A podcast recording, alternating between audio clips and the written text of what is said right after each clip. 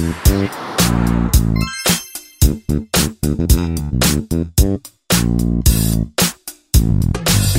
sini sudah ada Kang Ilham Saputra, Komisioner eh, KPU Republik Indonesia. Kalau Kang Saan masih belum masuk gitu ya? Belum, belum, belum masuk. Oke, tapi sudah ada uh, Kang Ilham. Terima kasih banyak dan juga teman-teman yang sudah hadir di uh, diskusi daring pertama kita, The Spin Doctors. The Spin Doctors itu sebuah channel YouTube yang memang bertujuan untuk melakukan pendidikan politik. Nah, uh, sebelumnya saya akan menyampaikan aturan main diskusi kita ya agar diskusi berjalan lancar, ini dia uh, sebentar. Uh, saya akan menyampaikan aturan main diskusi kita. Karena di beberapa diskusi terakhir ada beberapa trouble ya. Kemarin Om Adit diskusi di sebuah forum diskusi dan uh, ada beberapa masalah. Kita hindari dengan aturan main ini. Pertama, nanti pembicara pertama Pak Ilham akan menyampaikan paparan sekitar 20 menit, diikuti pembicara kedua uh, sekitar maksimal 20 menit. Kemudian nanti akan ada penajaman oleh host. Kemudian ada diskusi dengan audiens. Audiens wajib menuliskan kata bertanya di chatting room dan baru berbicara setelah dipersilahkan oleh host. Jadi silahkan tulis bertanya gitu nanti dipersilahkan oleh saya atau Kang Adit. Kemudian untuk menjamin kualitas diskusi, selama diskusi semua peserta kecuali yang sedang dipersilahkan berbicara wajib mematikan mikrofon dan kamera video. Karena semakin banyak kamera video yang digunakan dan mikrofon, bandwidth internet akan semakin banyak uh, terpakai, kualitas diskusi terpengaruh dan biasanya ada kebisingan. Kemudian yang kelima, peserta yang tidak mematuhi akan dikeluarkan dari forum diskusi ini. Dan yang terakhir, diskusi ini direkam dan akan ditampilkan di channel YouTube uh, The Spin Doctors. Ini uh, aturan main kita ini channel YouTube uh, The Spin Doctors nanti akan ditampilkan di sini sehingga teman-teman yang belum bisa bergabung di dalam forum diskusi live kita hari ini, ini bisa kemudian tetap mengikuti diskusi di waktu yang lain. Baik itu uh, aturan mainnya. Bapak dan Ibu kita uh, punya dua pembicara hari ini. Yang pertama adalah uh, Pak Ilham Saputra, anggota KPU Republik Indonesia, dan yang kedua adalah Pak Saan Mustafa, anggota DPR RI dari uh, Partai Nasdem. Diskusi kita uh, akan berbicara tentang pelaksanaan atau nasib pilkada di tengah pandemi corona. Kenapa? Karena beberapa waktu yang lalu DPR dan pemerintah telah menyetujui bahwa pilkada akan dilaksanakan pada tanggal 9 Desember 2020. Nah, eh, kesepakatan itu tentu menimbulkan banyak pertanyaan di kita. Pertama misalnya apakah sudah memperhitungkan bahwa pandemi corona akan eh, sudah berlalu begitu atau sudah selesai. Yang kedua berbicara apakah kesiapan penyelenggara apakah kira-kira penyelenggara siap ya di seluruh daerah untuk menyelenggarakan pilkada serentak. Yang ketiga tentu juga berbicara tentang apakah nanti akan cukup banyak uh, partisipasi atau partisipasi politik akan mengalami penurunan begitu. Dan mungkin ada hal-hal lain yang nanti kita bisa diskusikan. Baik, saya langsung ke oh ya, host di dalam acara ini ada saya, saya Abdul Hamid, dosen ilmu politik di Universitas Sultan Ageng Tirtayasa di Banten. Kemudian juga ada uh, eh, Dr. Aditya Perdana, Direktur Pusat Kajian Politik Universitas Indonesia. Nanti kami akan bergantian uh, mempertajam dan memandu diskusi ini. Baik, langsung saja saya persilahkan Pak Ilham Saputra, anggota komisioner komisioner uh, komisioner KPU RI untuk uh, menyampaikan paparannya. Kira-kira bagaimana sih proses uh, sehingga kemudian disepakati pilkada tanggal 9 Desember, kemudian kira-kira hitung-hitungannya bagaimana? Termasuk hal tadi seperti partisipasi politik, kesiapan penyelenggara dan sebagainya. Kami persilakan.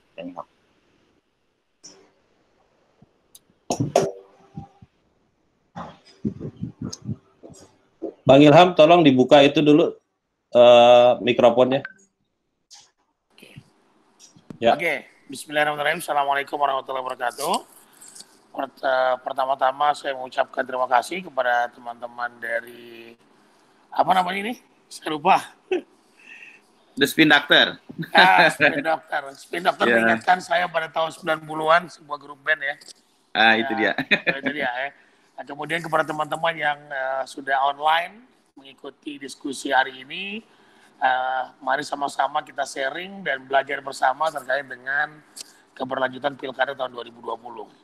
Pertama-tama KPU menganggap penting ya untuk menunda pilkada tahun 2020, kemudian kita mengeluarkan kita mengeluarkan eh, SK yang mengatakan bahwa kita menunda pilkada pada empat tahapan.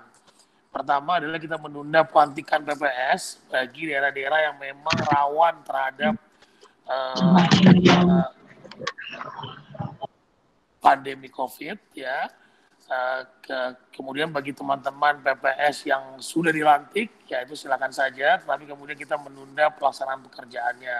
Kemudian kedua kita juga menunda pelaksanaan verifikasi faktual bagi calon perseorangan yang ada calon perseorangan di di pilkada ke provinsi maupun pilkada kabupaten kota. Bahkan verifikasi verifikasi administrasi untuk sebagian eh, KPU itu juga sudah kita tunda karena memang sekali lagi eh, kita menganggap perlu agar eh, penundaan ini agar COVID ini tidak eh, menyebar ke mana-mana. Kemudian ketiga adalah kita juga menunda eh, perekrutan untuk eh, PPDP ya panitia eh, eh, untuk data pemilih dan juga kita juga menunda eh, melakukan coklat untuk pemutahiran data pemilih. Nah, penundaan-penundaan ini tentu saja kami pertimbangkan dengan eh, eh, melapor juga atau kemudian memberikan penjelasan kepada Komisi 2 DPR RI maupun kepada pemerintah dalam hal ini Kemendagri bahwa penting penyelenggaraan pemilu ini ditunda dan juga kita berkoordinasi uh, terus menerus nih ya dengan Polhukam bahkan sebelum penundaan ini sekitar 10 hari sebelum penundaan ini kami juga berkoordinasi dengan Polhukam. Nah kemudian kami membuat semacam eh, pilihan-pilihan ya atau kemudian skenario-skenario eh, dan juga semacam eh, simulasi terkait dengan kapan kira-kira pilkada ini bisa diselenggarakan. Maka oleh karenanya kami membuat simulasi tersebut dan muncullah uh, ada bulan Desember, kemudian ada bulan Maret, dan ada bulan September 2021. Jadi ada satu untuk tahun di tahun 2020 yaitu bulan Desember dan dua di tahun 2021 pada bulan Maret dan eh, bulan September. Tentu saja ini kita lakukan dengan berbagai pertimbangan.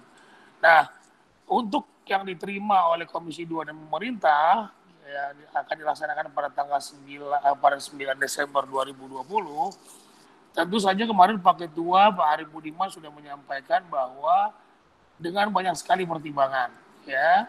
Pertama bahwa tidak ada lagi atau kemudian eh, apa eh, pernyataan eh, darurat ini atau kemudian bencana nasional yang disampaikan oleh Presiden tidak lagi diberlakukan.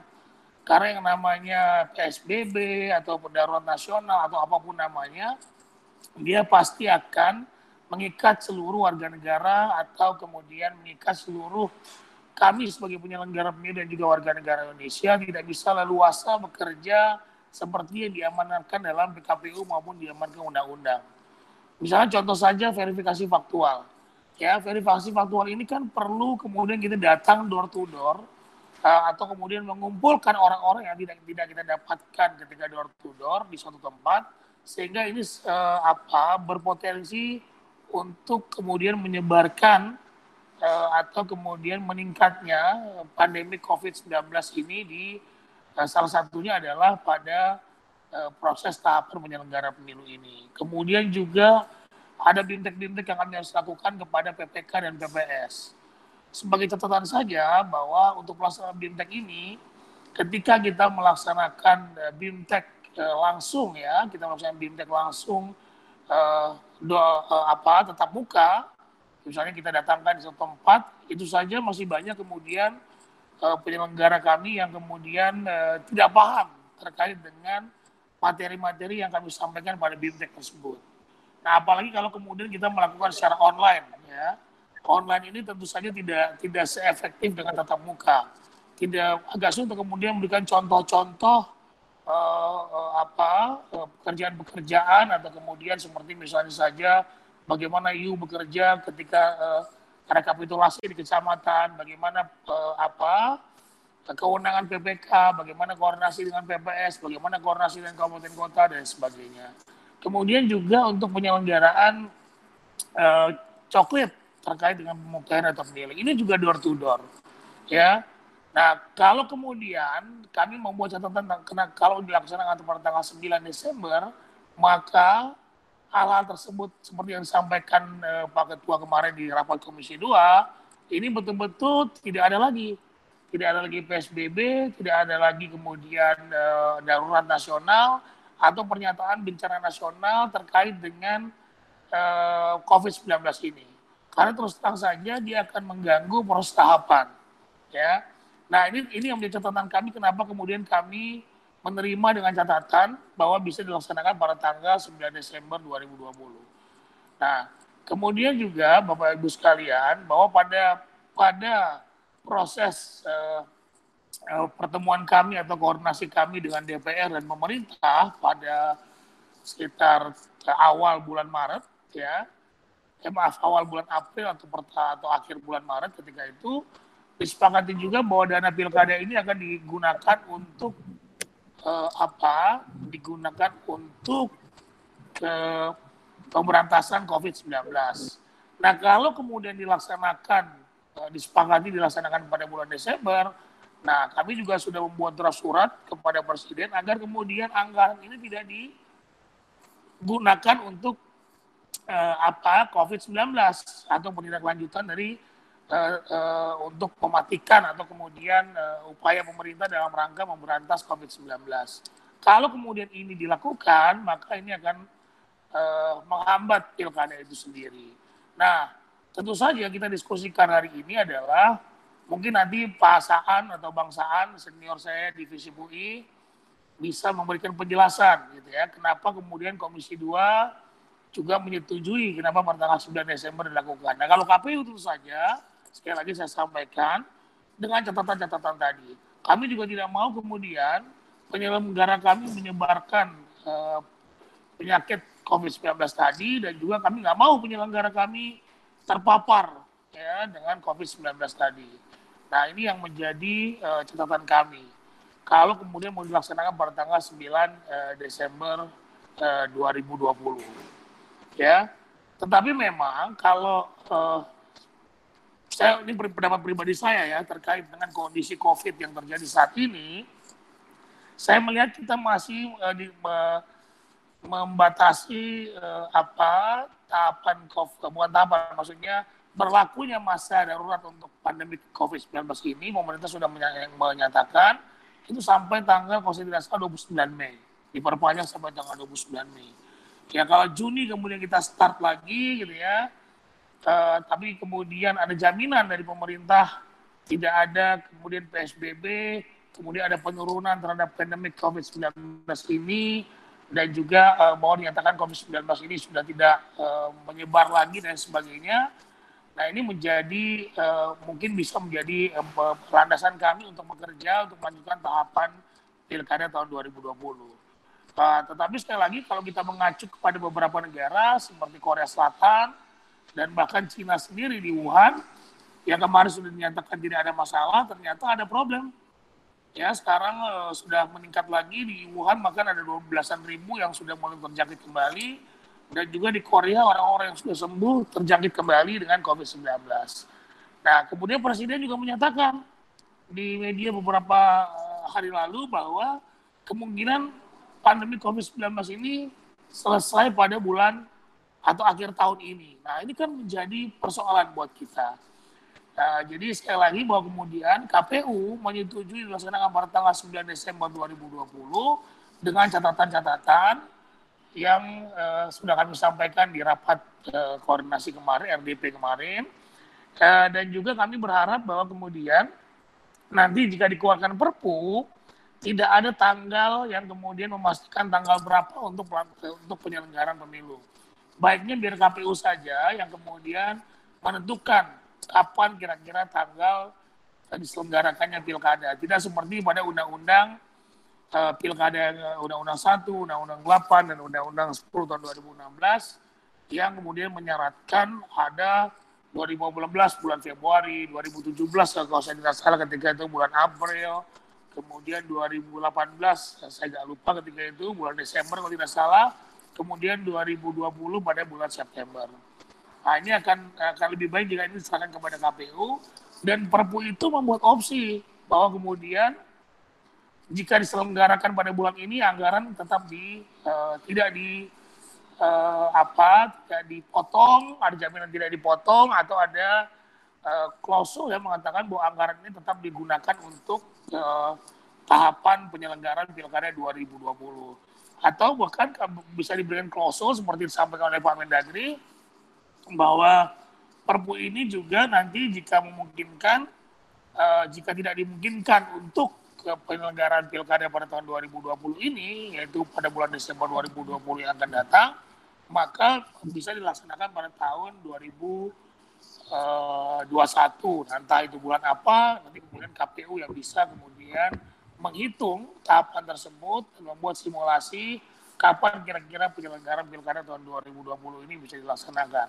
Karena jika tidak ada jaminan-jaminan dan seperti saya sampaikan tadi, terutama soal anggaran, maka akan sulit bagi kami. Nah, nanti teman-teman yang dari KPU provinsi yang hadir pada acara atau gabung di channel ini bisa menyampaikan pendapatnya terkait dengan uh, apa yang sudah dikoordinasikan atau apa yang sudah disampaikan oleh pemerintah daerah. Karena di beberapa tempat pemerintah daerah berniat memotong anggaran uh, pilkada kita jika dilaksanakan pada bulan Eh, bahkan ketika sudah ditunda, beberapa daerah sudah eh, memanggil KPU provinsi dan KPU kabupaten kota oleh gubernur dan bupatinya untuk kemudian membicarakan terkait dengan soal anggaran ini. Nah, kami juga sudah menyampaikan kepada teman-teman KPU provinsi dan KPU kabupaten kota untuk tidak melakukan apa pun, untuk tidak melaksanakan kesepakatan apa pun kepada pemerintah daerah provinsi maupun kabupaten kota sebelum ada aturan tertentu ada aturan tersendiri yang dikeluarkan oleh Kemendagri dalam hal ini Dirjen Keuangan Daerah Kemendagri uh, untuk kemudian mau diapakan nih uh, uh, anggaran pilkada tahun 2020. Dan kalau memang pemerintah komit dan dengan catatan-catatan yang diberikan oleh KPU tadi akan melaksanakan pada tanggal 9 Desember 2020, maka uh, anggaran itu jangan kemudian dipergunakan untuk uh, peruntukan kegiatan atau uh, aktivitas lain. Jadi saya kira itu uh, uh, Pak Hamid agar kemudian nanti uh, bisa didiskusikan bersama terkait dengan uh, topik kita hari ini. Nah mungkin, mungkin juga Pak Saan bisa menambahkan sebagai Wakil Ketua Komisi 2 DPR RI. Assalamualaikum. Waalaikumsalam warahmatullahi wabarakatuh. Terima kasih uh, Pak Ilham. Tadi ada beberapa catatan ya uh, soal pelaksanaan uh, pilkada di tahun ini Termasuk yang paling menarik sebetulnya soal anggaran. Tapi saya mau bertanya dikit nih, uh, Kang Ilham. Kalau anggaran, kalau misalnya saja pilkadanya diselenggarakan tahun depan, berarti sebetulnya uh, soal anggaran ini bisa direlokasi ke uh, apa namanya ke penanganan pandemi sebetulnya lebih mudah ya atau bagaimana?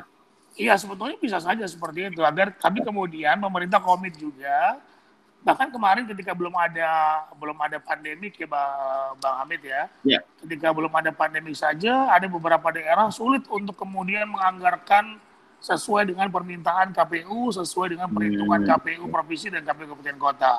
Nah, kalau misalnya memang kemudian nanti disepakati ternyata bahwa pandemik uh, COVID-19 ini belum selesai dan tidak mungkin dilaksanakan pada bulan Desember, dilaksanakan pada tahun 2021, misalkan juga dilaksanakan pada bulan September 2021 misalnya saja, silakan digunakan untuk COVID-19. Tetapi kemudian uh, harus ada jaminan juga dari pemerintah bahwa kemudian anggaran untuk penyelenggaraan pilkada pada tahun uh, 2021, misalnya saja di 8 September, maka tahun 2020 juga sudah harus disiapkan anggaran tersebut.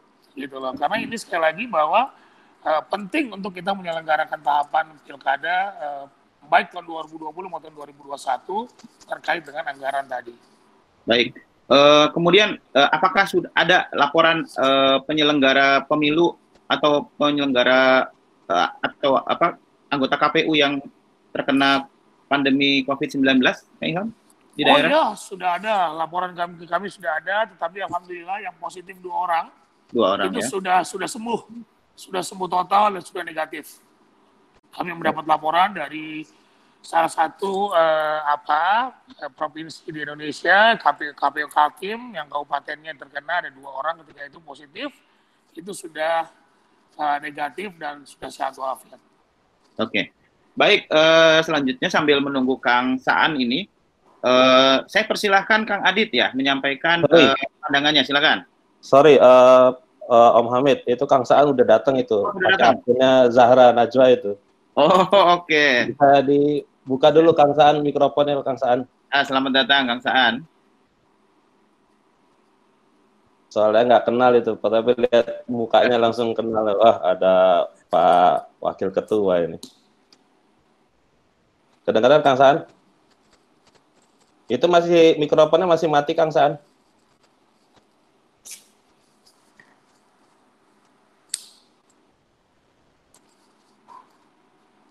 Ini juga video. Nah. Lihat. Tanya ada enggak tanya Kan itu ada. Kang Saan, monitor.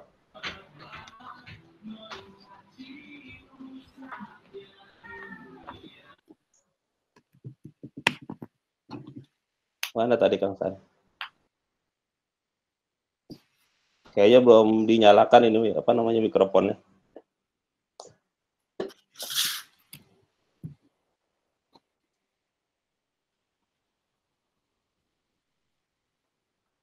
Ya, eh, mungkin begini, eh, bentar, masih ada yang ngomong siapa? Ini kalau bicara dede nggak? Iyalah. Oh, ada ada orang ada. Mo- Ya, Halo, mohon Pak yang baru gabung tolong dimatikan. Sudah tuh dede ngaku. Mati lagi. Barangkali belum bicara. Sudah. Kasih mati dulu dia dengar. Om Hamid silakan dilanjut dulu biar saya biar saya bisa eh, apa namanya mengkoordinir ininya. Oke, oke. Baik. Eh, terima kasih Kang Adit. Jadi Kang Adit merangkap. Udah itu udah udah nyala itu Kang Saan itu ya. Oke, sudah ada Kang Saannya? Mati lagi Kang Saan dinyalakan aja. Ah, sudah ada Kang Saannya. Ya, sip.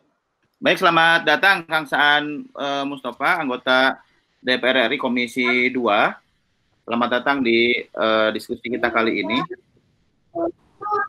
Wakil wakil. Assalamualaikum warahmatullahi wabarakatuh. Waalaikumsalam warahmatullahi wabarakatuh. Komisioner, apa kabar? Baik, Ya, Alhamdulillah. Mas Aditya dan teman-teman semua, terima kasih. Ini kita sudah gabung di dalam suasana penuh keprihatinan. Tadi Kang Ilham senang juga rasanya saya ketemu Kang Ilham dan teman-teman semua. Dan Mas Adit ini dulu satu kuliah. Siap, siap, siap. Halo, ya gimana Mas? Ya, alhamdulillah. Silakan Kang dilanjutkan Kang.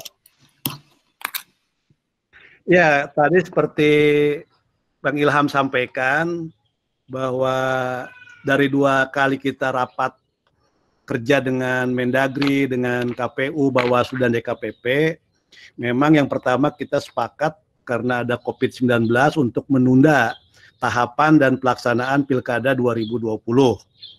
Dan rapat yang terakhir kita sepakat bahwa penundaan itu tahapan akan dilanjutkan sesuai dengan apa yang pemerintah lakukan terkait dengan tanggap darurat yang pemerintah itu rentang waktunya sampai 29 Mei tanggap daruratnya. Nah, berdasarkan patokan itu, pemerintah, DPR, KPU juga mensepakati karena memang mengambil opsi optimis dari pemerintah bahwa pelaksanaan pilkadanya tanggal 9 Desember 2020. Seperti yang memang 2015 yang lalu juga tanggal 9 Desember 2020. Nah, tentu pelaksanaan tanggal 9 Desember 2020 tetap mempertimbangkan terkait dengan perkembangan COVID-19.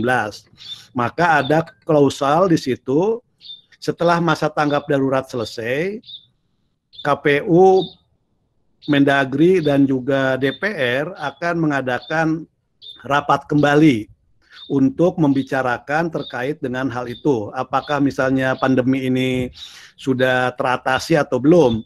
Ternyata kalau memang perkembangannya bisa teratasi, maka 29 Desember itu bisa dilakukan seperti waktu rapat DPR terakhir Ketua KPU menyampaikan bahwa 1 Juni tahapan sudah bisa dimulai tentu dengan berbagai revisi terhadap regulasi. Jadi tahapan-tahapannya bisa dibuat simpel.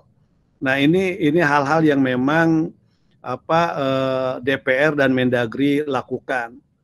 Nah, terkait dengan anggaran yang awalnya memang akan direlokasi buat penanganan COVID, Mendagri sudah akan melakukan Pemendagri ya untuk ke daerah-daerah agar anggaran itu jangan diutak-atik dulu.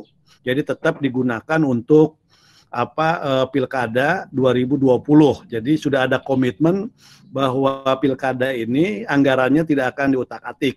Terkait daerah-daerah penanganan COVID-nya, tentu daerah juga sedang Mendagri dengan Menteri Keuangan juga sudah melakukan pembicaraan terkait dengan relokasi, terutama terkait dengan dana transfer daerah untuk ada penanganan COVID. Artinya tidak mengganggu dana pilkada, tapi untuk dana transfer daerah itu sedang di apa atur bagaimana di situ ada dana untuk penanganan COVID-nya.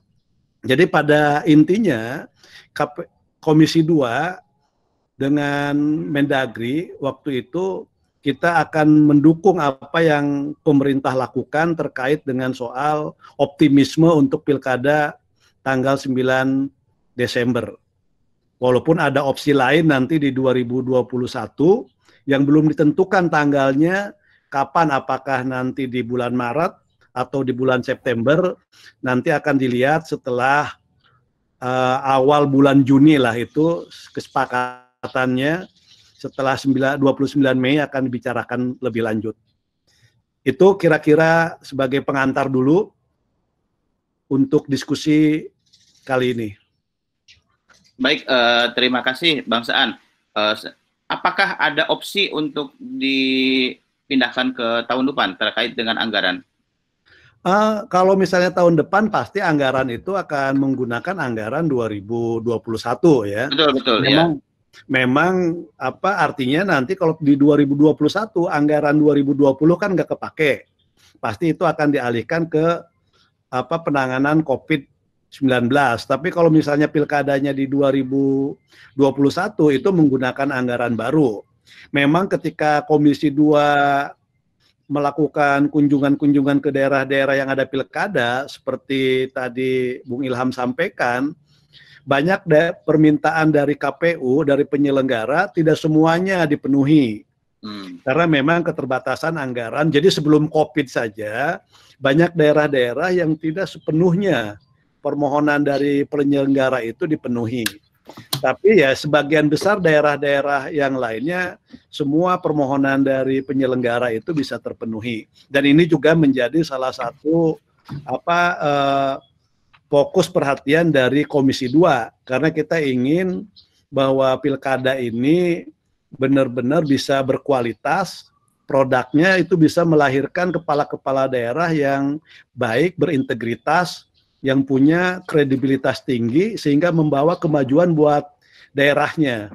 Nah, kenapa waktu itu juga dari Komisi 2 ingin 9 Desember kita ah, menghindari September 2021, hmm. kita nggak mau juga misalnya dalam suasana pandemi ini PLT-PLT itu terlalu lama, sementara kewenangan PLT itu kan sangat terbatas sehingga dia tidak bisa mengambil keputusan-keputusan yang luar biasa di tengah pandemi ini. Maka perlu kepala-kepala daerah yang definitif. Itu pertimbangan apa kenapa tanggal okay. 9 Desember itu kita coba dijadikan opsi pertama. Oke. Okay.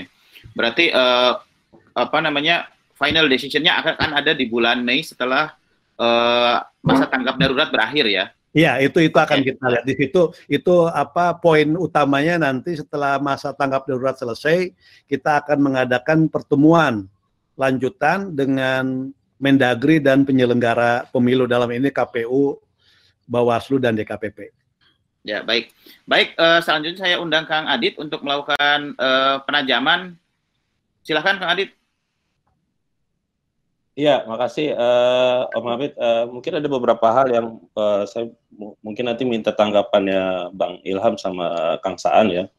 Karena uh, apa namanya, saya memperhatikan juga bahwa ternyata keputusan tanggal uh, 9 Desember itu uh, adalah satu apresiasi yang apa uh, patut perhatikan juga karena memang ternyata uh, sesudah tanggal 30 Maret kalau nggak salah itu sudah ada uh, apa namanya diskusi awal dan kelihatannya keputusan uh, tanggal 9 Desember itu sudah dilakukan.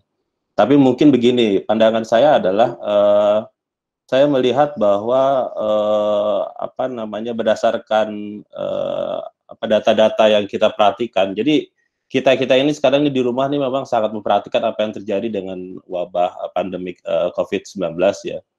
Nah uh, itu kan memang mengerikan gitu ya. Uh, bahkan banyak analisa dan saya sangat yakin uh, gugus tugas sendiri juga analisanya uh, sudah jelas bahwa pu puncak pandemik itu uh, diperkirakan bukan di bulan Mei.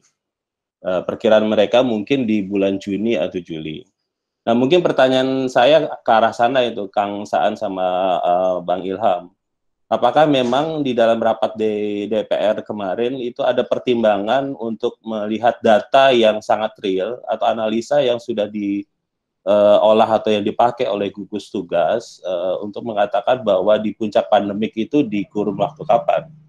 Karena begini, eh, mohon maaf Kang Saan sama Bang Ilham, bahwa eh, keputusan politik eh, tanggal 9 Desember ini kan memang sangat penting dan ya tingkat eh, tingkat pentingnya itu kalau menurut saya levelnya sangat tinggi lah.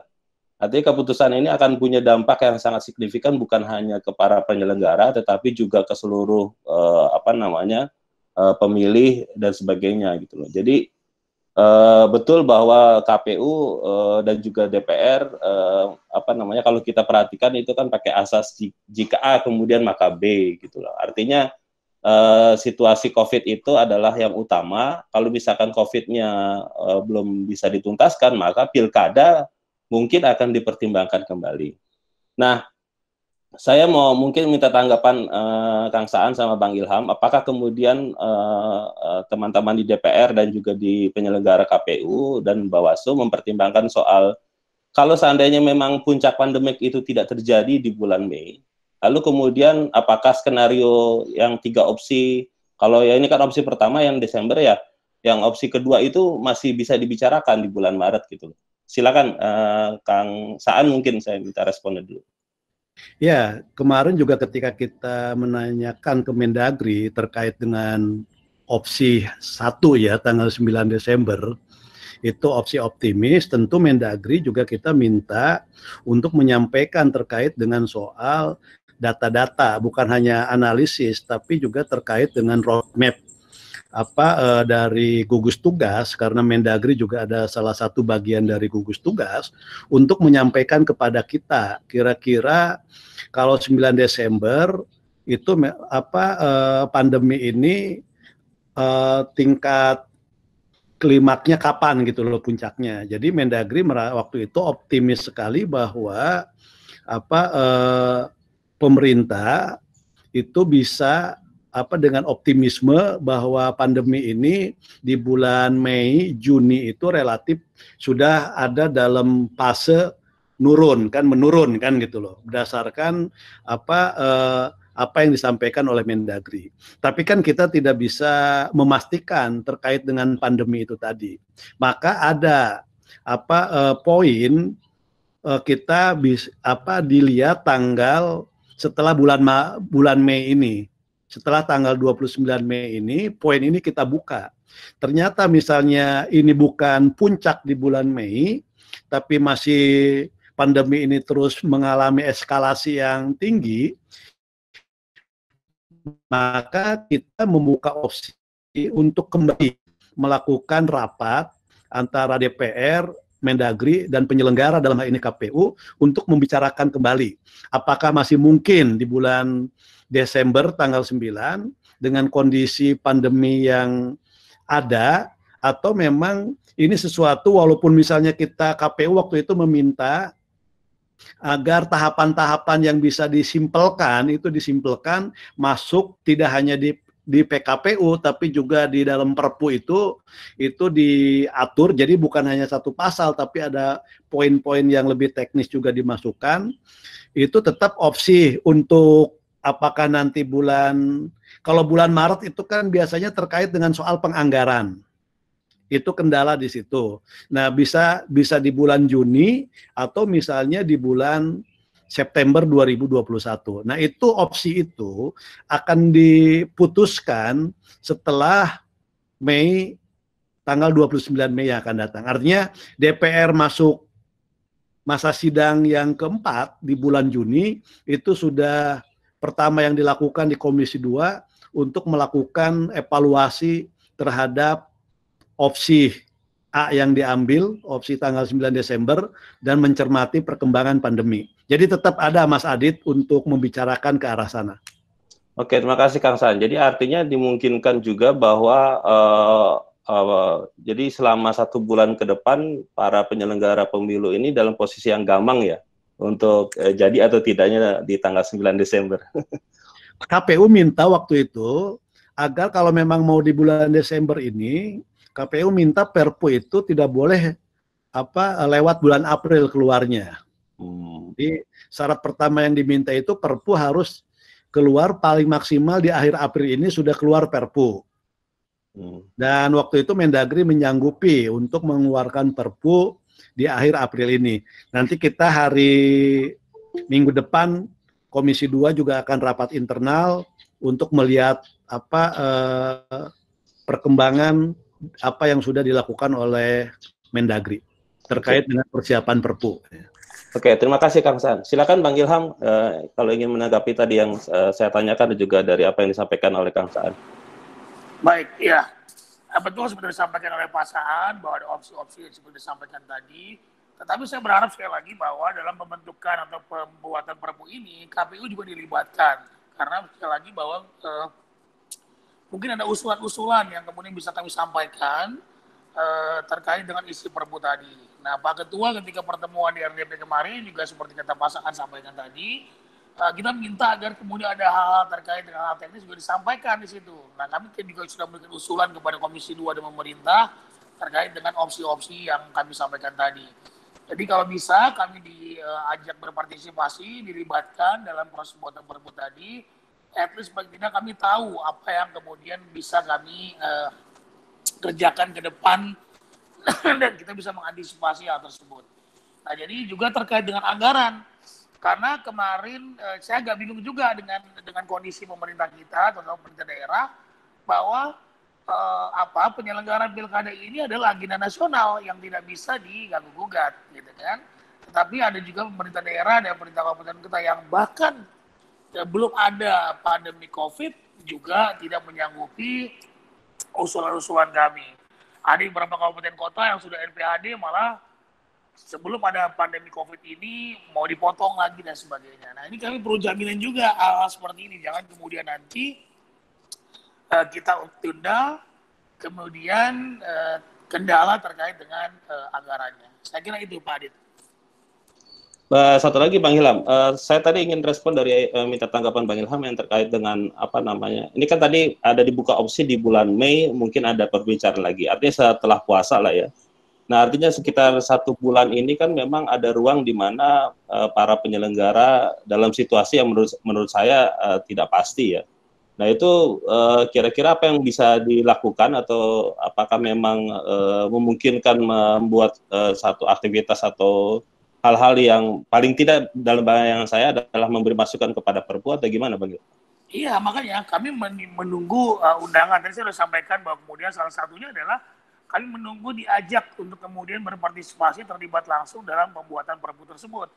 Agar kemudian kami paham dan kami bisa, seperti ketika undang-undang pilkada dan undang-undang pemilu dibuat. Itu kan kami diajak ngobrol, diberi, minta berikan masukan dan sebagainya. Sehingga nanti uh, draft terkait dengan perpu tadi bisa uh, mengakomodir terkait dengan uh, pengerjaan-pengerjaan teknis yang kami lakukan. Yang kedua kami juga sudah sampaikan tadi bahwa jika kemudian penyelenggaraan pilkada itu dilakukan bulan Desember atau bulan Maret, maka uh, anggaran ini tidak boleh diotak-atik terlebih dahulu. Karena sebagai sebagian dari sudah sampaikan, pemerintah provinsi dan pemerintah kabupaten kota yang menyelenggarakan pilkada sudah berinisiatif memanggil KPU untuk kemudian uh, melakukan uh, semacam tindakan pemotongan terhadap anggaran pilkada yang sedang ditunda ini. Nah, ini kan juga harus ada kepastian dari Kemendagri agar uh, kemudian bisa uh, anggaran ini tidak dikotak-kotak terlebih dahulu sampai Perpu keluar, sampai ada kepastian hukum terkait dengan pelaksanaan penundaan uh, pilkada ini. Oke, terima kasih Bang Ilham. Saya kembalikan ke uh, Kang Hamid. Baik, uh, terima kasih uh, Kang Adit. Jadi dari uh, Kang Ilham maupun Kang Saan memang salah satu hal yang uh, juga menarik sebetulnya politik anggaran. Kalau misalnya kita tunda ke 2021, politik anggaran di daerah akan dimulai lagi prosesnya dan itu juga bisa mengancam keberlangsungan pilkada sebetulnya. Jadi memang uh, apa namanya agak dilematis. Baik, uh, sekali lagi saya uh, mengucapkan terima kasih ini kehadiran banyak sekali teman-teman uh, yang hadir dan termasuk ada beberapa uh, penggiat pemilu ada Mbak Titi Anggreni dan uh, Pak Hadar Gumai sebelum sesi tanya jawab, saya mempersilahkan dulu mungkin Mbak Titi atau Pak Hadar ada yang mau disampaikan, bertanya boleh, menyampaikan masukan juga boleh.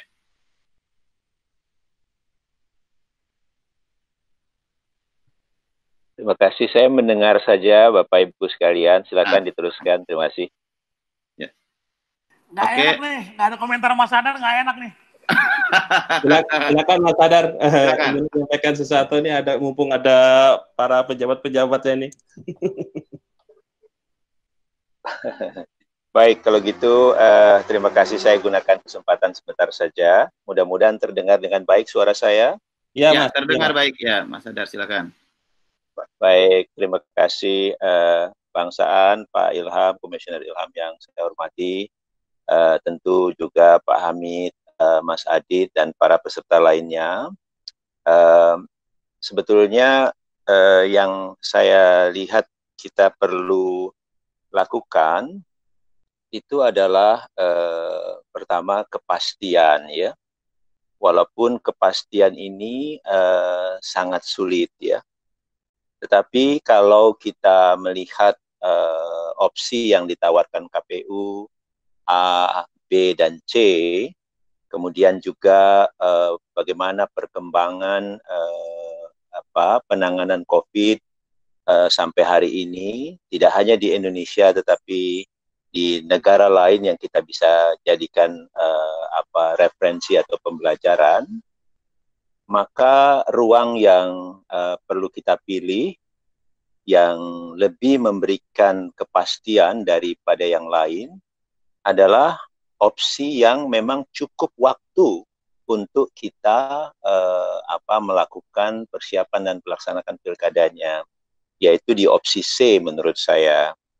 Nah, ini harus kita sudah putuskan ya sesegera mungkin tanpa kita mengambil model yang dipilih mohon maaf oleh uh, Komisi 2 bersama pemerintah dan juga ada penyelenggara pemilu yang hadir uh, di pada tanggal 9, 15 yang lalu, di mana itu kepastian yang tidak pasti karena masih menggantung. Nah, ini penting karena apa? Karena penyelenggaraan pilkada itu uh, tidak bisa uh, baru kita pastikan kemudian uh, kemudian bergerak. Ya, seperti sekarang ini apa yang yang mau dilakukan oleh KPU kita karena nanti masih ada menunggu perkembangan lagi. Eh, hati-hati uh, kalau kita model seperti ini, nanti akan ada tahapan yang kita teruskan, tapi kemudian kita rubah lagi. Dan apa yang sudah dikerjakan itu, kalau di dalam uh, pemilu pilkada, bisa saja menjadi percuma. Uang sudah terbuang, waktu sudah terbuang, um, tetapi hasil kerja itu tidak bisa kita gunakan karena dia sudah uh, apa out out of date uh, misalnya saja yang paling sederhana tentang daftar pemilih. Kita kemudian sudah teruskan tapi kemudian kita tunda lagi. Itu berarti nanti juga harus dirapihkan lagi. Nah uh, tentu banyak yang detail-detail yang model seperti ini. Nah di sisi yang lain um, ini adalah uh, situasi yang sangat kepentingan atau kegentingannya sangat tinggi. Karena apa? Karena dia terkait dengan keselamatan dan kesehatan kita semua.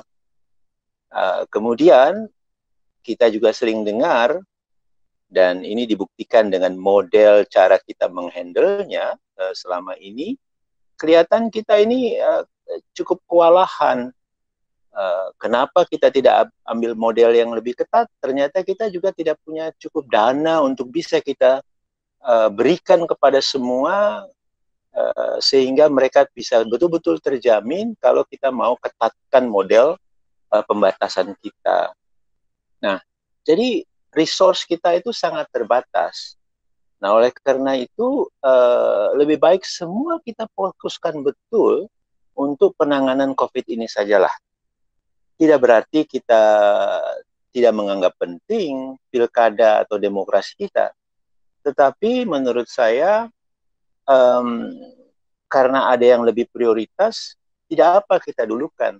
Dan kalau ini menjadi pilihan kita, tidak juga mengurangi uh, apa demokrasi kita. Kalau memang kita mengambil opsi pilkada yang ditunda agak cukup panjang. Nah, itu pandangan saya mengenai ini. Jadi, buatlah kepastian itu segera dan itu adalah untuk waktu yang cukup untuk kita bisa mempersiapkan pilkadanya dan juga mengatasi hal yang lebih penting yang lebih prioritas saat ini yaitu penanganan uh, apa uh, COVID ini. Saya kira itu pandangan saya. Mudah-mudahan ada manfaatnya. Terima kasih.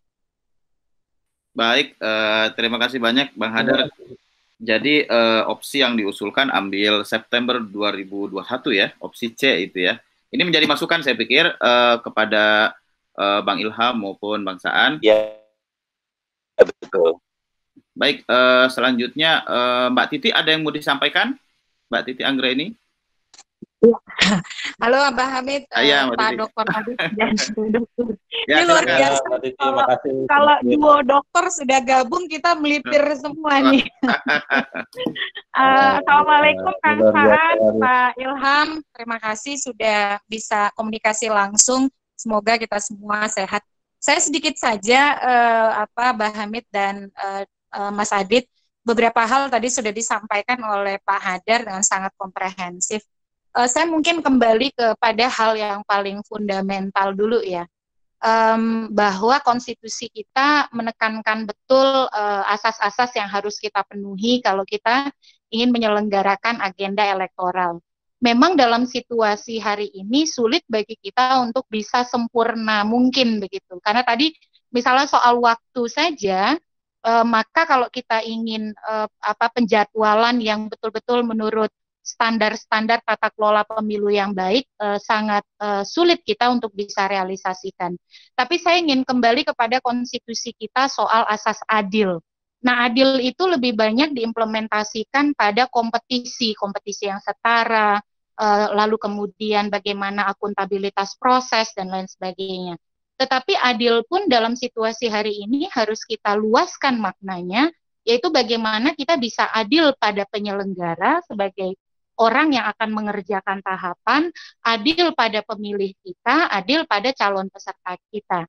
Nah, kalau misalnya pilkada itu uh, di set up 9 Desember, itu kan tidak serta-merta 9 Desember ya, menuju ke sana uh, kalau dilihat dari rangkaian uh, apa simulasi tahapan yang dibuat oleh KPU, itu mereka memulai tahapan Juni. Jadi uh, segera setelah selesainya masa tanggap darurat 29 Mei, maka tahapan sudah dimulai. Bulan September itu sudah uh, apa namanya? Uh, kampanye tanggal 11. Itu saya lihat dari kalkulasi tahapan yang dibuat oleh uh, KPU.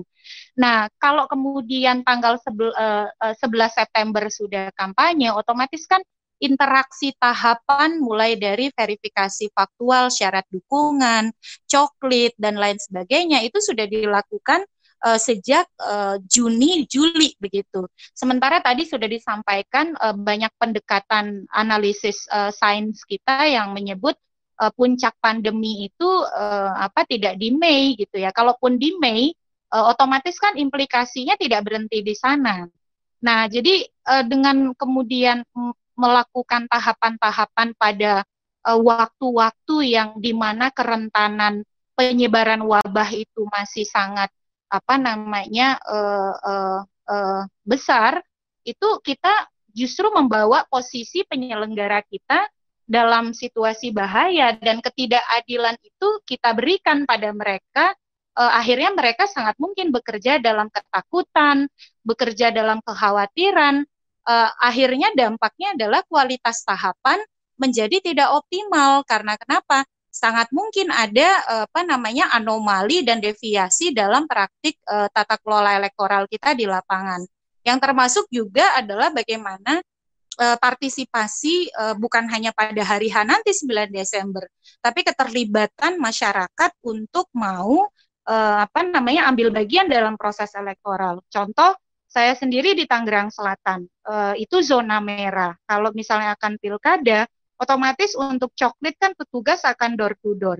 Sekarang saja kami untuk masuk komplek dengan PSBB itu sudah dibatasi waktunya. Antara hanya boleh orang keluar masuk komplek itu jam uh, eh, 6 sampai jam 9 pagi dengan aturan harus pakai masker dan lain sebagainya. Nah, ini juga uh, saya kira harus dipikirkan oleh pembuat undang-undang lebih baik uh, karena dalam hal ini kan uh, kerangka hukumnya nanti akan ada perpu gitu ya dan perpu harus disahkan menjadi undang-undang oleh DPR. Lebih baik kita memilih durasi waktu selain yang memberikan uh, kepastian persiapan e, kalau durasinya agak panjang, kita kan bisa lebih memperkirakan, mengkalkulasi dampak, lalu mempersiapkan konsekuensi-konsekuensi e, dengan e, apa namanya e, waktu dan apa namanya kesiapan yang lebih cukup begitu. Dan juga yaitu tadi asas adil e, bisa lebih kita rasakan untuk bekerja tidak di bawah rasa was-was, tidak e, berada dalam situasi ketakutan. Nah, yang terakhir saya ingin e, menyoroti sedikit tadi tentang kepemimpinan definitif ya. Kang Saan menyampaikan kenapa pilihannya 9 Desember. E, begini Kang, kalau kepemimpinan definitif yang diharapkan, saya kira itu juga akan tidak terrealisasi karena Undang-Undang Pilkada itu mengatur kalau e, apa namanya seorang petahana maju kembali di Pilkada, dia harus cuti di luar tanggungan negara selama masa kampanye. Nah, dari jadwal yang dibuat oleh KPU, masa kampanye itu 11 September sudah mulai, sampai dengan tiga hari sebelum hari pemungutan suara. Otomatis notabene mereka juga tidak bisa berbuat apa-apa karena posisinya juga cuti di luar tanggungan negara gitu. Uh, saya dengar dari Pak Mendagri kan ada 234 di mana yang petahananya akan maju kembali. Jadi juga kontradiktif dengan upaya mendapatkan kepemimpinan yang bisa membuat keputusan strategis. Toh di antara 11 September sampai Desember juga kepala daerahnya eh, apa namanya akan dijabat oleh pelaksana tugas. Nah, saya kira begitu, Bah sama eh, Mas Adit. Terima kasih atas kesempatannya untuk bicara sama Kang Saan dan Pak Ilham. Baik, eh, terima kasih eh, Mbak Titi. Tadi uh, okay, menarik sekali ya aspek keadilan ya, aspek keadilan untuk uh, masyarakat, untuk penyelenggara, untuk semua pihak begitu ya. Jadi bagaimana uh, kita bisa menyelamatkan aspek kemanusiaan, tapi juga menyelamatkan masyarakat. Masyarakat. Uh, ada dua pertanyaan dulu nih sebelum nanti ditanggapi oleh uh, para pembicara ya dari Medan. Ada uh, Pak Nazir dan kemudian di, nanti silakan dilanjutkan oleh Mbak Deti. Saya silakan Pak Nazir. Ya. Ya, terima kasih. Pak Hamid. Ya, silakan, silakan. Ya, seperti yang saya sampaikan. Assalamualaikum warahmatullahi wabarakatuh. Silakan, Bang. Jadi, pertanyaan saya sebenarnya simpel. Saya oh. agak berbeda dulu. Kali ini di diskusi ini saya berani berbeda dengan Bang Hadar dan kandidat Dokter Titi Angger inilah dulu. Katakanlah kita ini optimis dengan apa yang disampaikan kesepakatan antara kita nggak uh, dokter lah ya.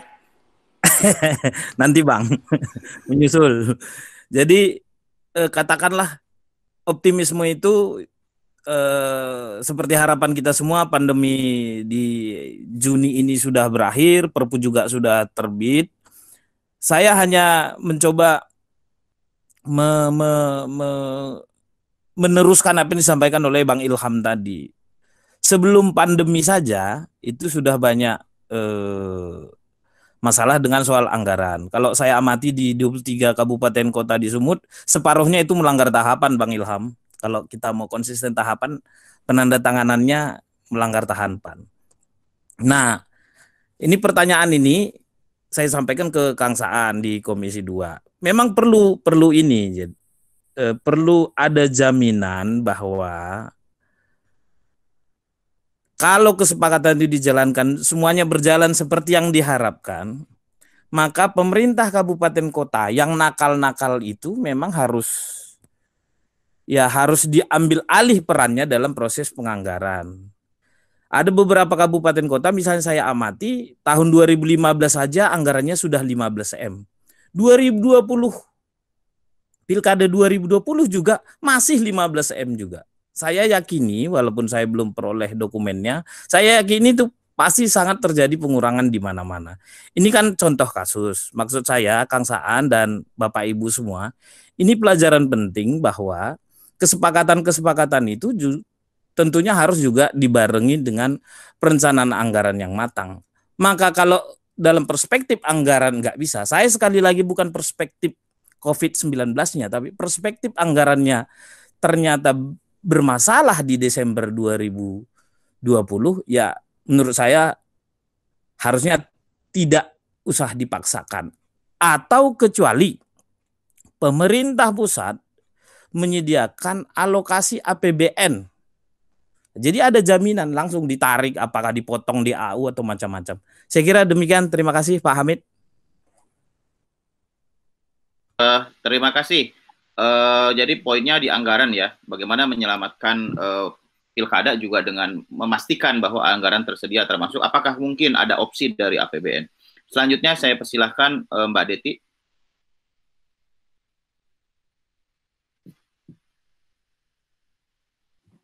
Iya, terima kasih.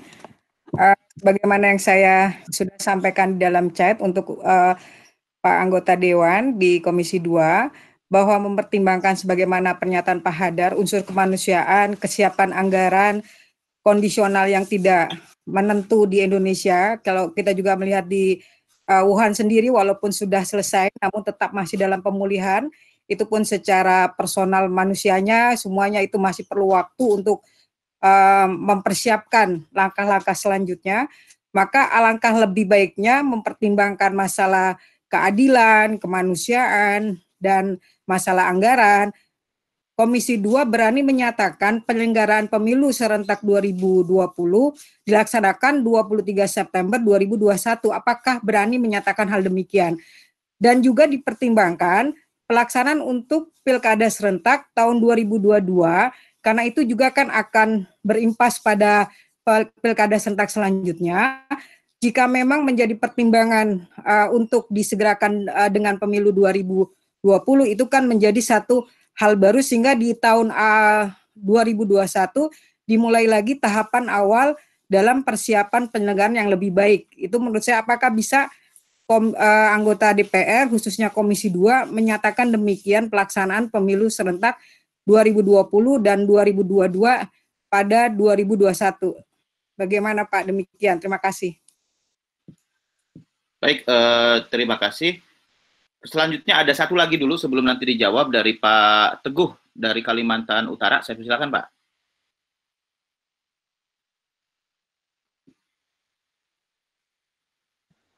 Terima kasih. Assalamualaikum warahmatullahi wabarakatuh.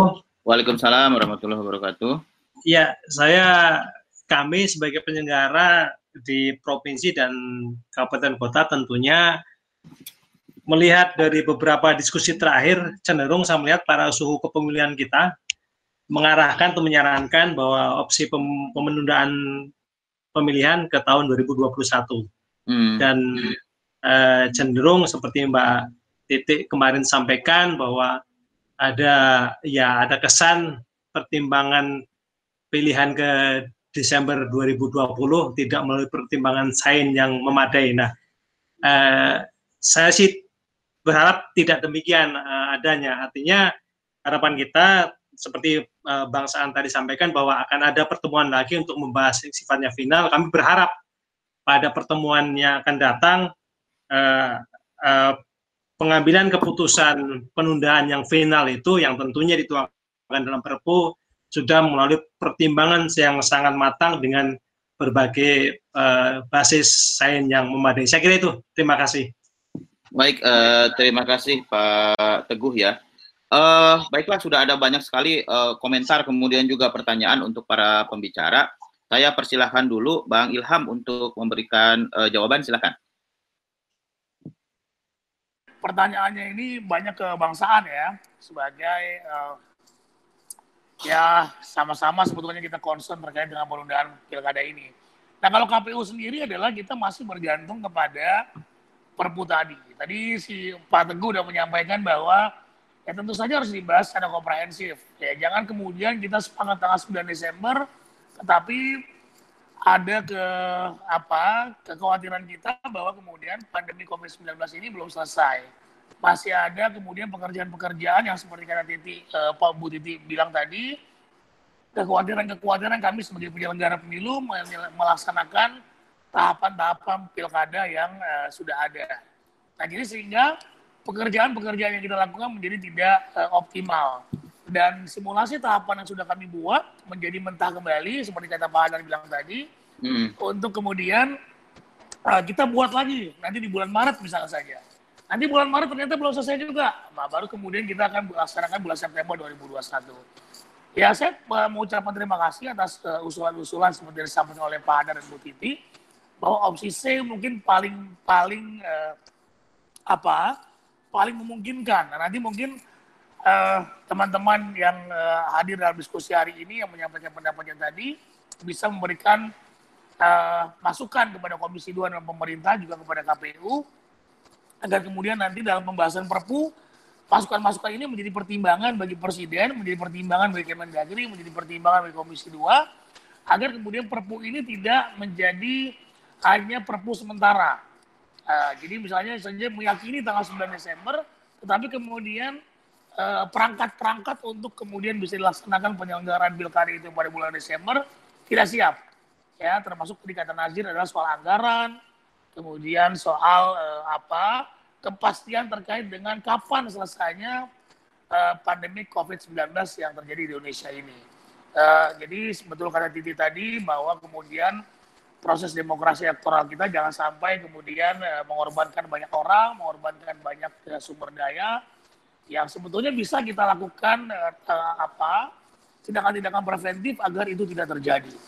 Jadi saya kira itu saya mengapresiasi masukan-masukan yang diberikan kepada kami tadi dan tentu saja sekali lagi karena ini terkait dengan Perpu, KPU masih menunggu Perpu untuk tidak lanjut dari uh, penyelenggaraan tahapan Pilkada uh, 2020 atau mungkin nanti akan diselenggarakan pada tahun 2021. Demikian Pak Hamid. Baik, uh, terima kasih Kang Ilham. Jadi kita sama-sama menunggu kepastian ini ya, dan di bulan Mei semoga sudah ada uh, hal yang lebih mengikat daripada sekedar kesepakatan ya. Betul. ya, baik. Uh, selanjutnya saya persilahkan uh, Kang Saan untuk merespon banyak sekali nih uh, masukan dan pertanyaan, silakan. Ya, makasih. Makasih ya Mbak Titi, Mas Hadar, dan teman-teman semua atas masukannya. Dan ini tentu sangat penting buat kami nanti menjadi bahan pertimbangan dan juga bahan rapat dengan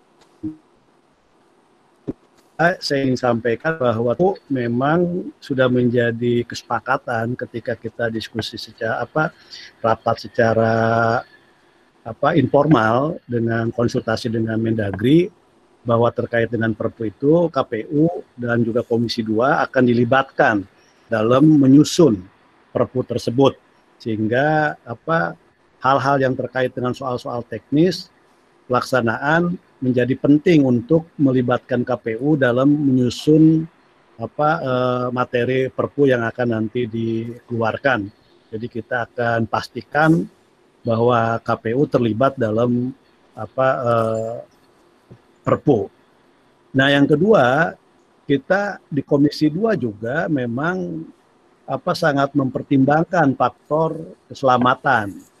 Karena itu menjadi concern kita. Karena kita juga ya banyak pengalaman di pemilu 2019 yang lalu banyak jatuh korban dan kita tidak mau misalnya pemilu-pemilu yang akan datang itu memakan banyak korban. Istilah Mbak Titi itu soal keadilan. Jadi keadilan yang bersifat kemanusiaan itu menjadi sangat penting.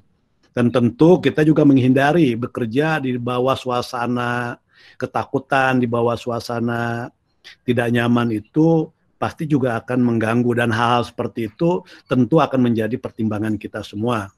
Nah, terkait dengan soal opsi-opsi yang lain, memang tahapan itu akan dimulai hari ini kan kita menunda semua tahapan kesepakatan kita. Dan tahapan itu akan dimulai lagi ketika masa tanggap darurat ini selesai.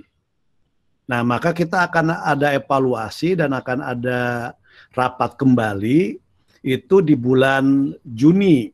Jadi di bulan Juni pasca tanggap darurat selesai kita akan melakukan pertemuan.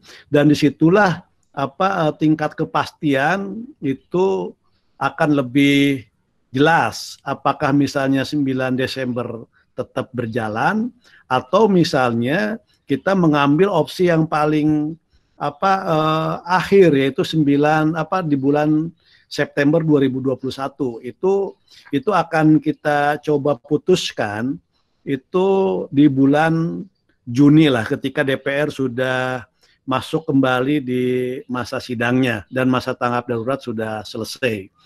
Jadi kalau masukan-masukan tadi sekali lagi itu menjadi hal yang penting. Nah, terkait dengan soal anggaran, memang Komisi 2 juga sudah banyak mendapatkan temuan, mendapatkan masukan dari daerah-daerah, baik yang secara langsung Komisi 2 kunjungan, memang banyak ketidaksesuaian antara apa yang disampaikan oleh penyelenggara kepada pemerintah daerah, tidak semuanya terpenuhi. Dan ini juga kita ingin nanti dengan Mendagri ingin kita pastikan benar bahwa apa uh, opsi mana pun nanti pilkada apakah 9 Desember ataukah nanti di tahun 2021 kita ingin pastikan bahwa anggaran itu tidak menjadi persoalan.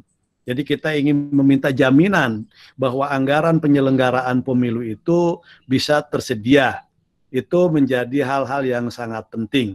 Jadi catatan-catatan tadi dari Mas Hadar, Mbak Titi, Mas Nijar juga Mbak Deti semua kawan-kawan tadi yang sampaikan sekali lagi akan menjadi apa bahan bagi Komisi 2 nanti untuk rapat kerja berikutnya. Itu kira-kira yang ini saya sampaikan. Uh, baik, terima kasih uh, Bang Saan. Ini ada dua lagi nih dari uh, Banjar dan kemudian uh, ada tiga ya. Saya persilahkan dari Bu Lea, Lea Lani, kemudian diikuti Bu Reni ya. Silakan, silakan. Ya, uh, terima kasih Pak Hamid. Uh, Assalamualaikum. Ya, silakan. Semuanya teman-teman komandan, Pak Saan. Uh, mungkin ini sekedar masukan atau informasi saja Pak bahwa memang uh, terkait opsi penundaan pilkada ini tanggal 9 Desember ini menjadi uh, apa bahan pertimbangan juga yang sangat penting. Mungkin juga tadi sudah diberi masukan oleh Bu Titi secara komprehensif dengan Pak Komandan kita. Uh, ini terkait soal anggaran, Pak. Mungkin ini uh, informasi tambahan bahwa di daerah-daerah ini karena memang proses uh, anggaran pilkada NPHD juga memang banyak terkendala soal teknis, teknis Uh, dan juga nanti sampai pada hari ini kami bahkan di beberapa daerah sudah ada surat untuk membahas karena uh, untuk membahas tentang penarikan anggaran ini.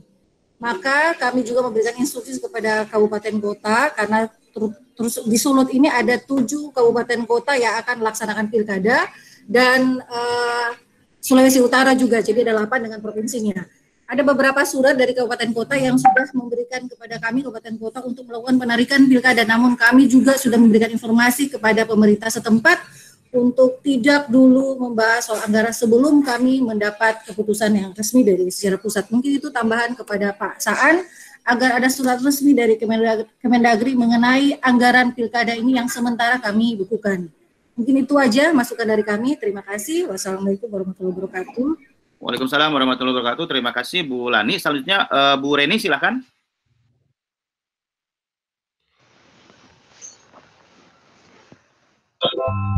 Iya, baik. Terima kasih. Assalamualaikum warahmatullahi wabarakatuh. Waalaikumsalam warahmatullahi wabarakatuh. Ya, uh, terima kasih sudah diberi kesempatan untuk uh, berbicara pada forum ini. Yang saya hormati pimpinan kami Pak Ilham, uh, para tuan guru Bu Titi, Pak Hadar, uh, Pak anggota dewan ya, ya Komisi 2. Uh, kalau dari saya uh, tentang uh, secara uh, psikis maupun ke kejiwaan dari uh, anggota kami di tingkat paling bawah yaitu uh, penyelenggara ad hoc uh, baik itu PPK dan PPS setelah dinonaktifkan. Nah, uh, itu yang penting untuk dipikirkan. Karena itu uh, kami punya saran maupun solusi bagaimana setelah uh, pandemi COVID 19 ini berlalu, maka uh, kiranya untuk adanya suatu uh, motivasi atau uh, motivator ya, adanya motivator untuk memberi support motivasi kepada mereka karena untuk uh, merekrut tingkat uh, penyelenggara tingkat PPK maupun PPS itu uh, tingkatnya sangat uh, rendah peminatnya sehingga uh, itu penting rasanya uh, baik itu PPK, PPS maupun di uh, KPU sendiri penyelenggara di tingkat KPU juga membutuhkan uh, nama motivator semacam motivator atau motivasi untuk lebih bersemangat dan dan rasa takut dan rasa kekhawatiran itu bisa dihilangkan. Demikian kita dari uh, saya. Terima kasih. Baik, uh, terima kasih Bu Reni. Dan terakhir ini uh, tanggapan atau pertanyaan dari Pak Edi dari Kalimantan Selatan. Silakan. Baik, terima kasih Pak moderator. Assalamualaikum warahmatullahi wabarakatuh. Yang saya hormati narasumber Pak Saan Mustafa, pimpinan kami Saputra.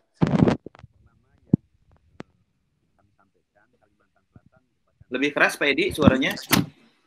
Uh, Kalimantan Selatan merupakan salah satu provinsi yang menyelenggarakan pilgub dan tujuh kabupaten kota yang menyelenggarakan uh, pilkada. Uh, tentu uh, perlu ditinjau adalah terkait dengan penanganan COVID. Kalimantan Selatan per hari ini sudah terdapat 58 uh, pasien yang dinyatakan sebagai uh, positif COVID-19. Uh, ini perkembangan-perkembangannya semakin meningkat. Nah, pada sisi tersebut, uh, saya sependapat apa yang disampaikan oleh Mbak Titi tadi, aspek kemanusiaan itu sangat penting untuk menjadi pertimbangan uh, pembentuk undang-undang baik DPR maupun uh, pemerintah. Uh, penentuan tanggal pemungutan suara tentu harus memperhatikan terkait dengan perkembangan dan penanganan COVID ini. Demokrasi itu sulit hadir di tengah masyarakat dalam keadaan ketakutan. Bagaimana kita bisa melibatkan banyak pihak sehingga menghadirkan penyelenggaraan pemilihan yang akuntabel, yang partisipatif, sedangkan kondisi masyarakatnya dalam keadaan ketakutan. Pilihan 9 Desember itu adalah pilihan yang sangat uh, uh, tidak pasti apa yang disampaikan oleh narasumber lain tadi, uh, pilihan dia membuat kita gamang. Uh, bagaimana kita uh, selanjutnya sebagai pelaksana menunggu perpu itu terbit, kemudian peraturan-peraturan lain juga perlu dilakukan perubahan-perubahan seperti peraturan terkait tahapan penyelenggaraan yang diterbitkan oleh KPU. Juga pada aspek anggaran, Kementerian Dalam Negeri juga harus membuat perubahan terhadap peraturan yang menyangkut uh, anggaran pilkada sehingga mengontrol pemerintah daerah terkait dengan ketersediaan anggaran. Nah, aspek partisipasi ini penting menjadi perhatian nanti oleh uh, pembuat Perpu pemerintah atau DPR yang mengusulkan pada pemerintah sehingga pilihan terhadap uh, hari H pemungutan suara juga harus memperhatikan aspek kesiapan uh, KPU. Itu mungkin jadi pandangan kami di Kalimantan Selatan yang penting untuk menjadi perhatian uh, pembuat undang-undang. Terima kasih, moderator. Baik, terima kasih Pak Edi. Tadinya sudah mau saya close, tapi ada Pak Sahran. Ini paling terakhir deh, Pak Sahran, silakan.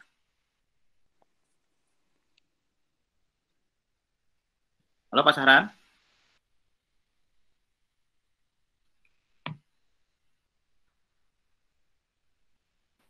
Halo. Ya, silakan Pak, langsung Pak. Ya, singkat. Ya, ya. Halo, Assalamualaikum warahmatullahi wabarakatuh. Waalaikumsalam warahmatullahi wabarakatuh. Uh, terima kasih yang mati uh, Pak Saan dan uh, pimpinan kami Pak Ilham. Uh, menarik diskusi ini memang uh, sekarang sebenarnya yang uh, beberapa hal yang mungkin saja bisa menjadi masukan uh, bagi Komisi 2. Uh, saya tadi sepakat dengan apa yang disampaikan oleh Pak Hadar maupun uh, uh, Ibu Titik ya terkait dengan uh, desain waktu uh, tahapan pemilihan ini.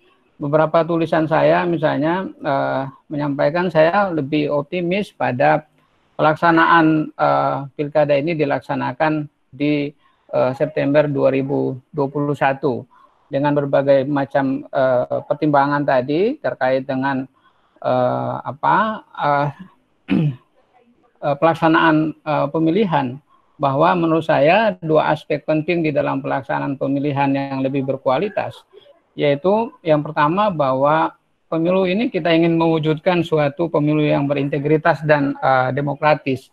Dan yang kedua bahwa uh, pemilu ini atau pemilihan kita tetap menjunjung tinggi upaya uh, pemilu yang bisa dilihat dari aspek uh, langsung umum bebas dan rahasia serta jujur dan adil.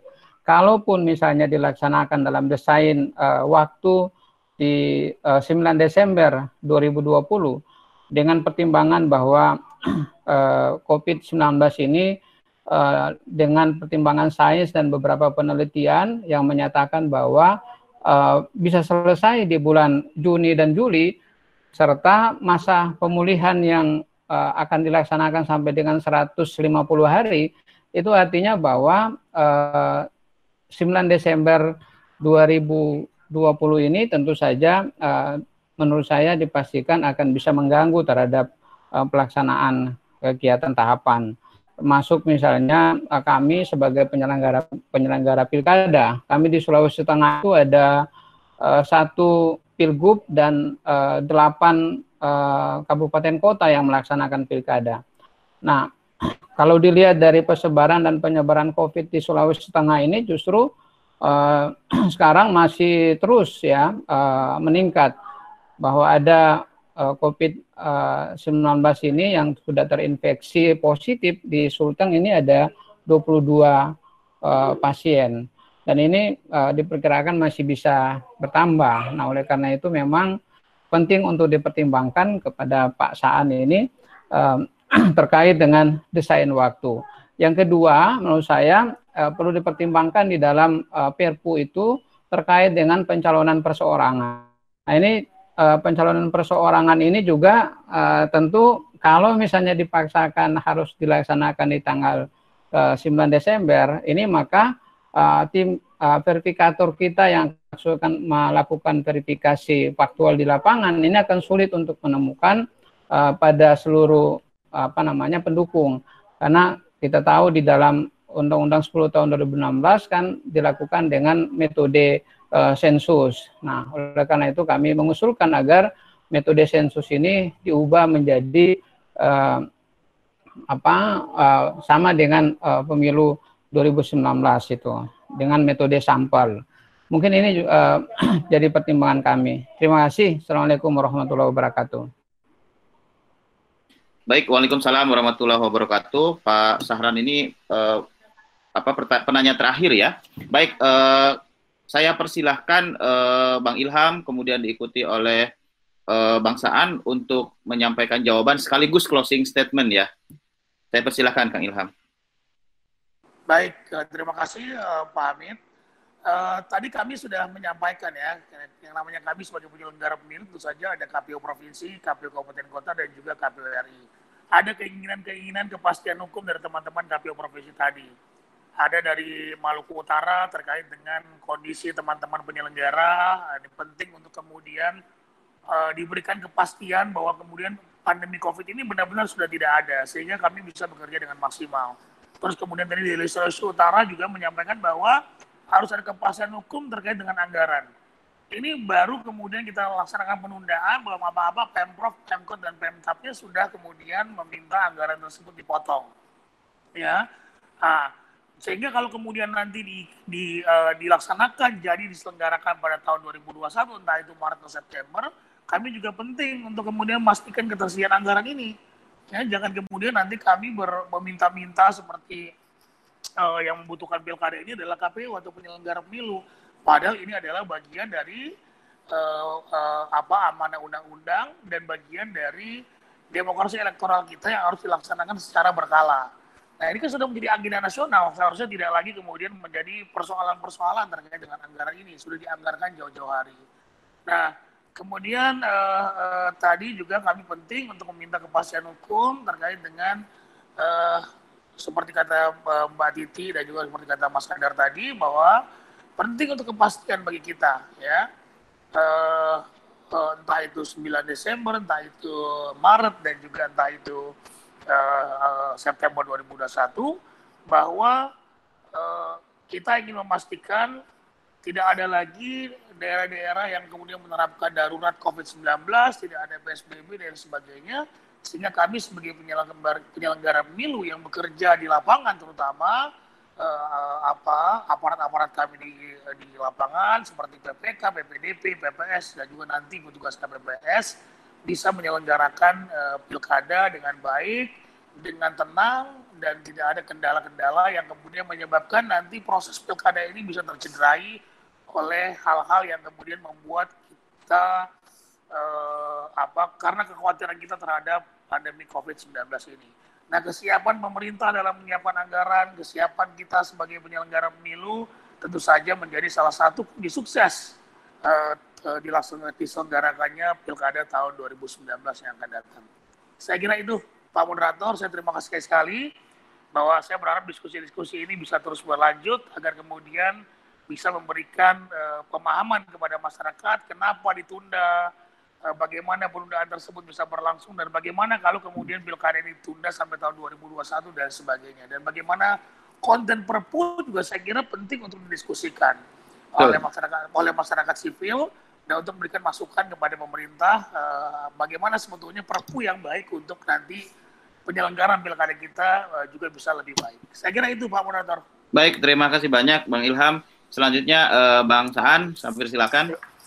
Ya, terima kasih. Tentu apa yang sudah disampaikan oleh kawan-kawan semua ini menjadi bahan buat kami di Komisi 2 di DPR untuk dijadikan bahan rapat-rapat apa uh, yang akan datang.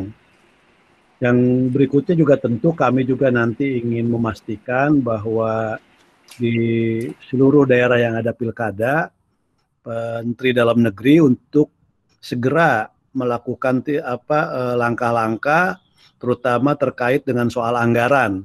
Jadi harus secepatnya Mendagri untuk memberikan apa uh, surat atau Pemendagri kepada daerah-daerah untuk tidak mengganggu anggaran terkait dengan pilkada. Apakah itu dialihkan ataukah nanti ada pemotongan dan relokasi dan sebagainya. Jadi kita nanti akan pastikan itu Mendagri untuk bertindak lebih cepat lagi terkait dengan soal pengamanan dana pilkada. Nah, yang terkait dengan apa-apa yang disampaikan sekali lagi eh, faktor kemanusiaan juga tetap menjadi hal penting yang akan menjadi pertimbangan utama kami ketika kami nanti rapat pasca penentuan tanggap darurat itu sudah selesai. Itu akan sekali lagi menjadi bahan kami untuk rapat dengan Mendagri sehingga keputusan apa yang akan diambil itu menjadi hal yang sangat penting. Jadi pasca tanggap darurat itu sudah tidak ada lagi apa keputusan yang sifatnya masih menggantung, tapi sudah ada hal yang pasti. Kepastian ini tidak hanya buat penyelenggara, tapi juga buat partai politik, buat para calon itu penting untuk mendapatkan kepastian. Semakin mereka tidak pasti, calon-calon ini juga ada dalam suasana yang tidak menentu juga. Jadi semua hal tentu akan kami pertimbangkan. Masyarakat dalam hal ini pemilih juga hal-hal yang tetap semua menjadi pertimbangan kami.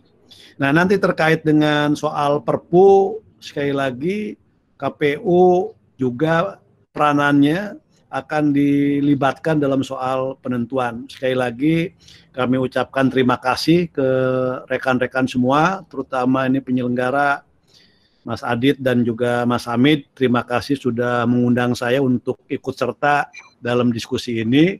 Mudah-mudahan diskusi-diskusi ini bisa berlanjut di tengah suasana kita tinggal di rumah. Penting juga untuk mengisi ini semua dengan hal-hal yang sifatnya positif dan sekaligus juga membangun apa eh, kesadaran-kesadaran baru di kita semua sekaligus juga kita memberikan informasi dan edukasi buat masyarakat terutama di daerah-daerah yang akan menyelenggarakan pilkada yang sekarang sudah kita tunda. Jadi sekali lagi terima kasih. Mohon maaf apabila ada hal yang kurang berkenan. Assalamualaikum warahmatullahi wabarakatuh. Waalaikumsalam warahmatullahi wabarakatuh. Terima kasih Bang Saan uh, atas uh, jawabannya dan pencerahannya. Uh, sebelum saya tutup, saya persilahkan dulu Kang Adit untuk menyampaikan uh, pandangan akhirnya. Silahkan Kang Adit. Oke, terima kasih uh, Pak Hamid uh, atas uh, apa namanya. Jadi nampaknya memang kita punya uh, concern yang sama ya terhadap uh, situasi pilkada dan uh, concern utama kita memang terkait dengan aspek kemanusiaan. Aspek uh, utamanya memang bagaimana agar uh, situasi COVID atau di uh, darurat yang kita miliki ini benar-benar bisa di, diselesaikan. Nah, oleh karena itu, saya uh, seperti yang tadi disampaikan oleh teman-teman uh, uh, KPU provinsi, itu menurut saya juga sangat uh, jelas sekali bahwa eh, harapan-harapan uh, agar uh, eh, DPR juga mempertimbangkan masukan-masukan dari apa yang tadi kita diskusikan, terutama dari para penyelenggara dan mudah-mudahan uh, ini menjadi perhatian juga sangat serius buat teman-teman uh, di DPR yang kita titipkan melalui Kang di sini. Uh, dan nanti juga mungkin uh, pertimbangan pembahasan Perpu juga seperti yang tadi disampaikan oleh Bang Ilham uh, agar bisa juga melibatkan teman-teman KPU penyelenggara dan uh, masyarakat sipil juga dilibatkan masukan-masukannya agar semua nanti penyelenggaraan pilkada uh, itu bisa berlangsung dengan uh, apa namanya dalam situasi yang jauh lebih uh, nyaman untuk bisa kita lakukan itu yang menurut saya yang, uh, yang jauh lebih penting. Tadi masukannya Mas Hadar dan Mbak Titi juga uh, punya concern yang sama juga uh, kita semua terkait dengan soal ini. Mungkin itu saja, uh, Kang Hamid. Ya, uh, baik. Terima kasih Kang Adit, Bapak dan Ibu, para pembicara, Bang Ilham, Bang Saan, kemudian ada tadi uh, pemerhati pemilu Bu Titi, kemudian Pak Hadar, dan kawan-kawan uh, semua peserta diskusi, terutama Eh, kawan-kawan uh, dari KPU daerah ya yang ternyata alhamdulillah amat antusias untuk hadir dalam kesempatan ini. Uh, ada dua hal sebetulnya uh, yang paling menarik dari diskusi ini adalah persoalan kemanusiaan, uh, bagaimana semua bisa terselamatkan dalam situasi berbahaya seperti sekarang, bagaimana keselamatan bisa diutamakan dan penyelenggaraan KPU juga adil untuk semuanya, tapi juga memastikan bahwa uh, pempilkada sebagai agenda uh, demokrasi elektoral kita juga bisa terselenggara. Bapak dan Ibu, uh, tentu tidak semua orang bisa mengikuti uh, diskusi langsung kita. Karena itu uh, nanti silahkan uh, diskusi ini akan kami rekam dan nanti akan kami uh, tampilkan di uh, channel YouTube kami di uh, The Spin Doctors. Di situ juga ada beberapa diskusi terdahulu yang kami laksanakan. Minggu depan juga ada uh, diskusi lagi bersama kami di Spin Doctor tentang penanganan pandemi COVID-19 di Korea dan juga terkait dengan penyelenggaraan pemilu di Korea di tengah pandemi corona. Ada peneliti dari uh, Seoul National University yang akan hadir uh, di hari Rabu jam 3 ya, Kang Adit ya. Baik, ya, siap. Uh, ya baik Bapak dan Ibu, uh, terima kasih sekali lagi atas kehadirannya. Saya uh, tutup dengan Assalamualaikum warahmatullahi wabarakatuh. Waalaikumsalam. Waalaikumsalam warahmatullahi wabarakatuh. Waalaikumsalam warahmatullahi wabarakatuh. Waalaikumsalam warahmatullahi wabarakatuh.